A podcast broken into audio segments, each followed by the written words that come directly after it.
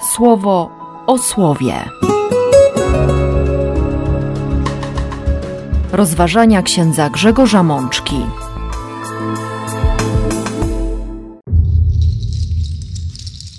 Siedemnasta niedziela zwykła, rok C.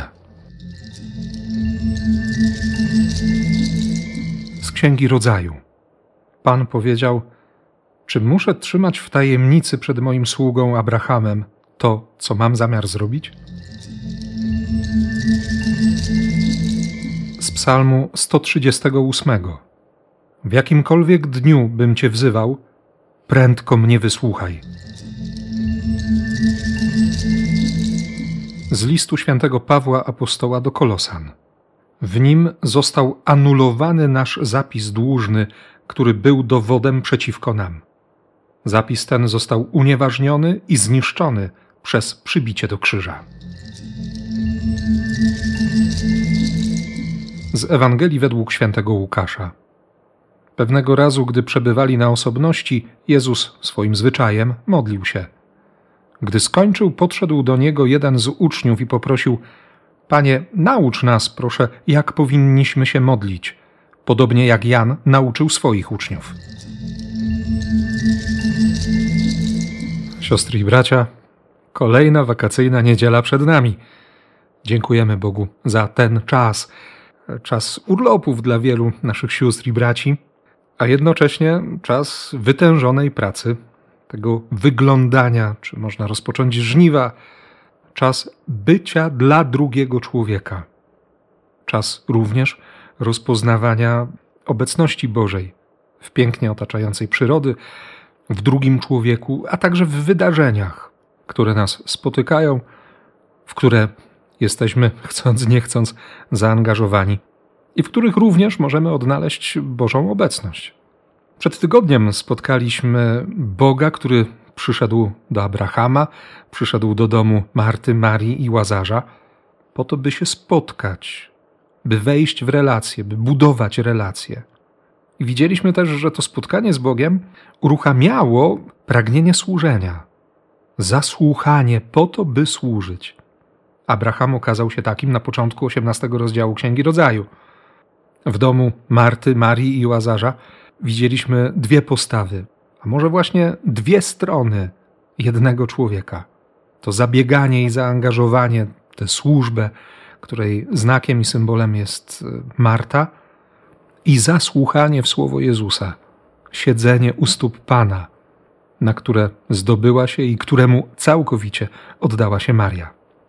Dziś i w pierwszym, i w trzecim czytaniu autorzy natchnieni kontynuują to Boże i ludzkie spojrzenie na najważniejszą relację, o którą warto zadbać, o którą często trzeba też zawalczyć w swojej codzienności. Zajrzyjmy zatem do tekstów biblijnych, które przygotował dla nas Pan, byśmy w liturgii, w spotkaniu Kościoła, wspólnoty, odkrywali Bożą wolę, Boże pragnienie i umacniali również swoją wiarę. A zatem, osiemnasty rozdział Księgi Rodzaju, wersety między dwudziestym a trzydziestym drugim. Abraham najprawdopodobniej odprowadził tych, którzy zatrzymali się u niego, którzy posilili się i którzy dali mu obietnicę, bardzo konkretną obietnicę. Za rok twoja żona będzie pieściła na kolanach waszego syna. Abraham pewnie nie do końca rozumiejący tę sytuację, słowa i konsekwencje tej obietnicy, choć w sercu on ma cały czas tę tęsknotę i, i ogromne pragnienie, odprowadza swoich gości do granicy ziemi, którą posiada. Zgodnie ze zwyczajem, zgodnie z tradycją i obowiązującym prawem gościnności.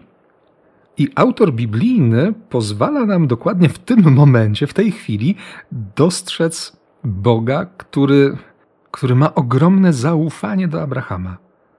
Czy muszę trzymać w tajemnicy przed moim sługą Abrahamem to, co mam zamiar zrobić? I jakby odpowiadając sobie samemu, Bóg odzywa się. Krzyk z Sodomy i Gomory wzmógł się do pełni. Ich grzechy stały się bardzo wielkie. Zejdę zatem i zobaczę, czy zgodnie z tym krzykiem, który do mnie dociera, przekroczyli już wszelkie miary, czy też jeszcze nie. Chcę to wiedzieć. Abraham słyszy to słowo. Dlatego, stojąc przed Panem, zadaje pytanie: Czy masz zamiar wygubić sprawiedliwego razem z bezbożnym? Jeśli w tym mieście byłoby pięćdziesięciu sprawiedliwych. Tradycja żydowska mówi o pięciu miastach, które miały, miały zostać zniszczone, zgładzone z powierzchni ziemi. I w dzisiejszej liturgii jesteśmy świadkami tej szczególnej, wyjątkowej modlitwy Abrahama, bo cały ten tekst jest wezwaniem do modlitwy. Pięćdziesięciu sprawiedliwych. Żeby wybudować synagogę w danym mieście, żeby w ogóle było miejsce modlitwy, nie chodziło tylko o, o późniejsze tradycje żydowskie, tylko o wierzenia semickie tamtego czasu, tamtych ludów, potrzeba było dziesięciu rodzin, a właściwie dziesięciu mężczyzn, którzy modlili się wspólnie, którzy mogli zbudować wspólnotę wiary. Jeśli pięćdziesięciu sprawiedliwych, to mogło rzeczywiście chodzić o pięć miast. Dlatego Abraham rozpoczyna od tej liczby swoją rozmowę z Bogiem, swoją modlitwę wstawienniczą. Bóg daje konkretną obietnicę. Jeśli w każdym z tych miast znajdzie się dziesięciu sprawiedliwych, nie zniszczę. Oni będą trwać przede mną.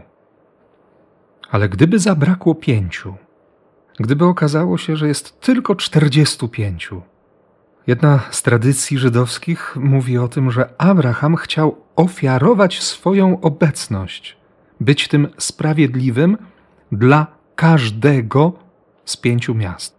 On uzupełniłby brak. Po dziewięciu sprawiedliwych w każdym mieście i Abraham, który będzie wędrował od jednego miasta do drugiego, po to, by, by się modlić, by wspólnota wiary mogła wzrastać. Bóg daje obietnicę nie zniszczę. Abraham jednak nie jest pewien, e, czy, czy znajdzie się w tych miastach 45 sprawiedliwych, więc próbuje targować się z Bogiem o ocalenie tamtych ludzi, powoli zmniejszając liczbę. Może 40, może 30, może 20, może 10. Mniejsza liczba już nie miała sensu, bo tak naprawdę Abraham ograniczył liczbę sprawiedliwych do jednego miasta. Mniej niż dziesięciu sprawiedliwych? To już się nawet w głowie Abrahama nie mieściło. Nie da się budować wspólnoty wiary. Nie da się iść drogą wiary, kiedy, kiedy nie ma wspólnoty. A jeśli nie ma wspólnoty, nie ma możliwości przekazywania wiary, przekazywania łaski, wzrastania w tej atmosferze, to, to jak żyć? W jaki sposób żyć, kim się jest, jeśli gubi się swoją tożsamość, nie mając relacji z Bogiem. Wiemy dobrze, że w tej modlitwie Abrahama, wyjątkowej, szczególnej, niezwykłej, nie chodziło o przekonanie Boga, o takie targowanie się, które doprowadziłoby do zmiany Bożej decyzji tak jakby Bóg miał mniejsze miłosierdzie niż Abraham. Zresztą e, z późniejszych apokryfów, między innymi testamentu Abrahama, dowiemy się, że, że Abraham nie potrafił okazywać miłosierdzia. Mając doświadczenie Boga, mając doświadczenie Jego łaski, kiedy widział ludzi grzeszących podczas swojej wędrówki z Archaniołem Michałem, tak mówi apokryf przedstawiający chwilę śmierci ojca naszej wiary – on reaguje gniewem, natychmiastowym wymierzeniem kary i często jest to kara śmierci.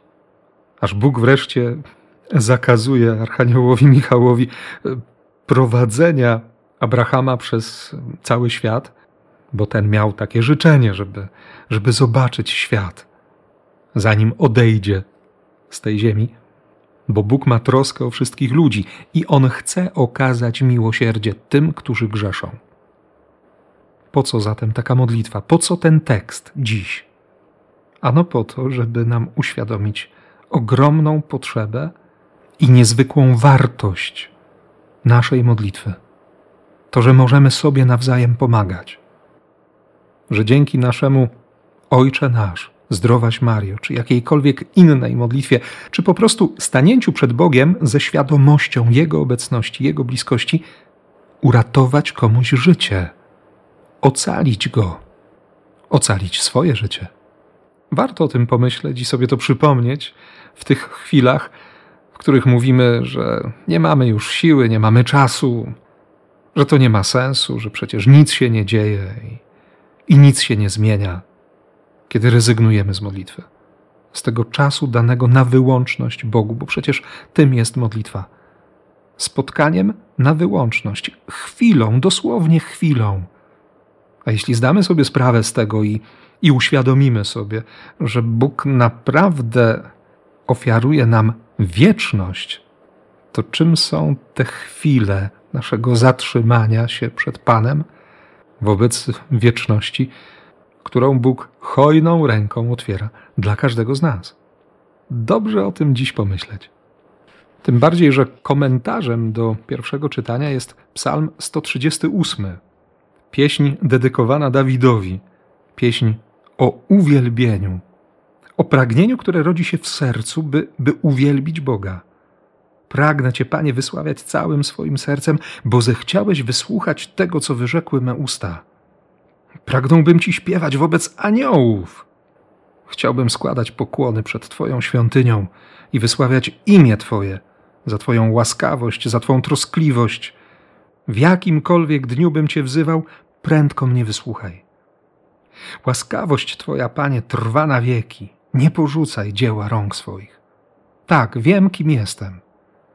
Wiem, że potrzebuję i nie wstydzę się tego, że nie jestem samowystarczalny, że nie jestem doskonały. Nie wstydzę się tego, że potrzebuję Boga, że potrzebuję tej bliskości, że potrzebuję miłości, że potrzebuję relacji. Siostry i bracia, ile razy mamy w sobie taki wstyd w rodzinach, w małżeństwach, przed przytuleniem, przed dobrym słowem, przed pocałunkiem. A przecież potrzebujemy tych gestów. Po to Bóg dał nam ciało.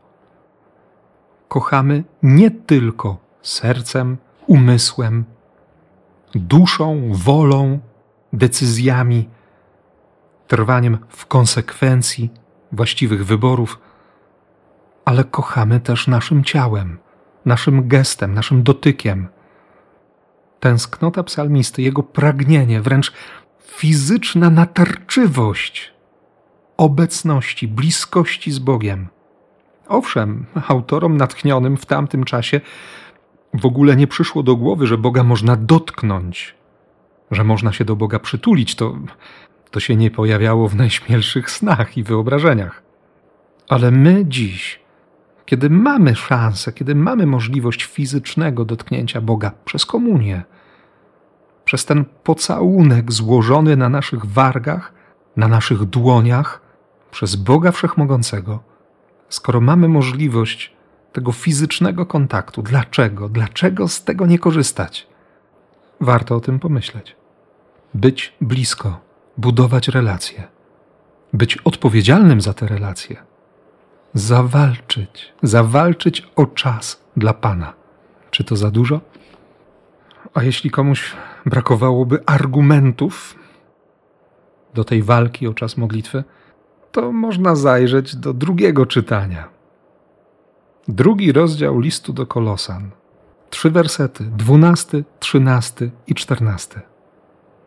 Złożyć do grobu naszą starą grzeszną naturę zrobić to przez zanurzenie w Niego, w Chrystusa, czyli przyjęcie chrztu. Ufając, że w taki sam sposób, razem z Nim, razem z Chrystusem, powstaniemy do życia dzięki boskiej mocy, którą On objawił w czasie swego zmartwychwstania. Bo choć wcześniej, gdy znajdowaliśmy się w mocy śmierci, nasza natura trzymała nas w niewoli napisze bardzo mocno, bardzo wyraziście święty Paweł, to Bóg w Chrystusie uwolnił nas od kary za wszystkie nasze występki i grzechy. I teraz y, bardzo mocne i bardzo ważne zdanie. W nim został anulowany nasz zapis dłużny, który był dowodem przeciwko nam. Został unieważniony i zniszczony przez przybicie do krzyża. Zobowiązanie handlowe, które określało wysokość długu albo sądowy tytuł winy, określało też rodzaj kary i powód jej wykonania. Ten zapis dłużny był dowodem przeciwko winowajcy. Co zrobił z tym Chrystus? Unieważnił i zniszczył, przybijając do krzyża.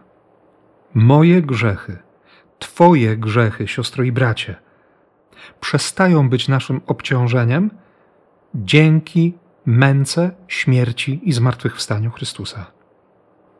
Wziął na siebie wszystkie nasze słabości, nasze choroby, nasze grzechy, nasze pomyłki, nasze uzależnienia, zniewolenia. Każde nasze zło wziął na siebie i pozwolił się przybić do krzyża. Osiągnął szczyt, szczyt odrzucenia, poniżenia. Zajął ostatnie miejsce. I, jak mówi święty Karol de Foucault, nie da się usunąć z tego ostatniego miejsca. Nie pozwoli na to. Jesteśmy wolni, siostry i bracia. Dzięki Chrystusowi i w odniesieniu do Niego. Dlatego tak ważna jest ta relacja, przypominanie sobie dzień w dzień, jaką cenę ma nasza wolność, miłosierdzie, czym jest to nowe życie, które otrzymaliśmy. I wtedy naprawdę inaczej, inaczej patrzy się na, na te wszystkie chwile modlitwy. Być może to właśnie zrozumieli uczniowie albo zafascynowani tym, w jaki sposób Jezus się modli, jak On spotyka się z Ojcem. Przychodzą do Niego i, i proszą, jak powinniśmy się modlić. Jak? Pokaż nam. Jan nauczył swoich uczniów. Ty naucz nas. Jezus odpowiada bardzo prosto. Gdy chcecie się modlić, kierujcie swe słowa i myśli wyłącznie do Boga czyniąc to w taki sposób: Abba, nasz Ojcze, tylko Ty jesteś święty. Niech Twoje królestwo szybko już nastanie. Prosimy, abyś obdarzył nas dzisiaj pokarmem, którego codziennie tak bardzo nam potrzeba, i uwolnij nas od naszych przewinień, ponieważ i my tak czynimy wobec naszych winowajców. Nowy przekład dynamiczny w dość rozbudowany sposób tłumaczy to pierwsze zdanie wypowiedzi Jezusa. W kościele, we wspólnocie, w liturgii usłyszymy: Kiedy będziecie się modlić, mówcie. Ten czasownik mówcie, użyty przez Łukasza akurat w tym kontekście, oznacza właśnie pełne zaangażowanie, zaangażowanie intelektu, zaangażowanie woli, bardzo konkretny kierunek słowa, kierunek modlitwy. Dlatego NPD tłumaczy, gdy chcecie się modlić, kierujcie swe słowa i myśli wyłącznie do Boga. Myślę, że wielu z nas wie, że to, że to wymaga wysiłku, że często jest to walka o, o tę chwilę skupienia, żeby, żeby naprawdę ze świadomością spotkania, ze świadomością tego, z kim się spotykam, wypowiedzieć modlitwę Ojcze Nasz. Nasz Ojcze. Znamy ten tekst bardzo dobrze i, i wypowiadamy go bardzo często, i dlatego pewnie też grozi nam o wiele większe niebezpieczeństwo potraktowania tej modlitwy w sposób rutynowy, bez głębszego zastanowienia się, może i nawet w pewien sposób bezmyślnie. Dlatego też Jezus wyjaśnia później wagę wytrwałości na modlitwie, podając przykład prawdziwego przyjaciela. Ktoś przychodzi do swojego prawdziwego przyjaciela w środku nocy z konkretną prośbą i jest tak wytrwały, że przyjaciel zareaguje we właściwy sposób, to znaczy wstanie, otworzy drzwi i da to, czego potrzebuje ten przychodzący w nocy. To przyjaźń ludzka. A co dopiero mówić o Bogu? Dlatego Jezus bez cienia wątpliwości mówi: Proście, a będzie wam dane. Tam dosłownie można by przetłumaczyć: proście, a nauczycie się przyjmować. Szukajcie, a znajdziecie. Pukajcie, zostanie wam otworzone. I później w bardzo twardych, mocnych, może nawet trochę wstrząsających słowach Jezus powie: Jeśli zatem wy, choć macie zepsutą naturę, potraficie dawać swoim dzieciom dobre dary, o ile bardziej Ojciec z niebios obdarzy duchem uświęcenia tych, którzy będą o to wytrwale u Niego zabiegać. Bogu zależy. Bogu zależy naprawdę na każdym z nas.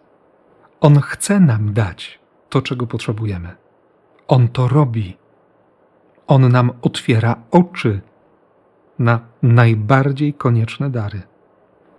Dlatego tak ważny jest ten czas modlitwy, który pozwala nam i który uczy nas przyjmować Bożą łaskę i przejmować Boże zwyczaje. Do tego Was bardzo, bardzo gorąco zachęcam i oto dzisiaj razem z Wami będę się modlił.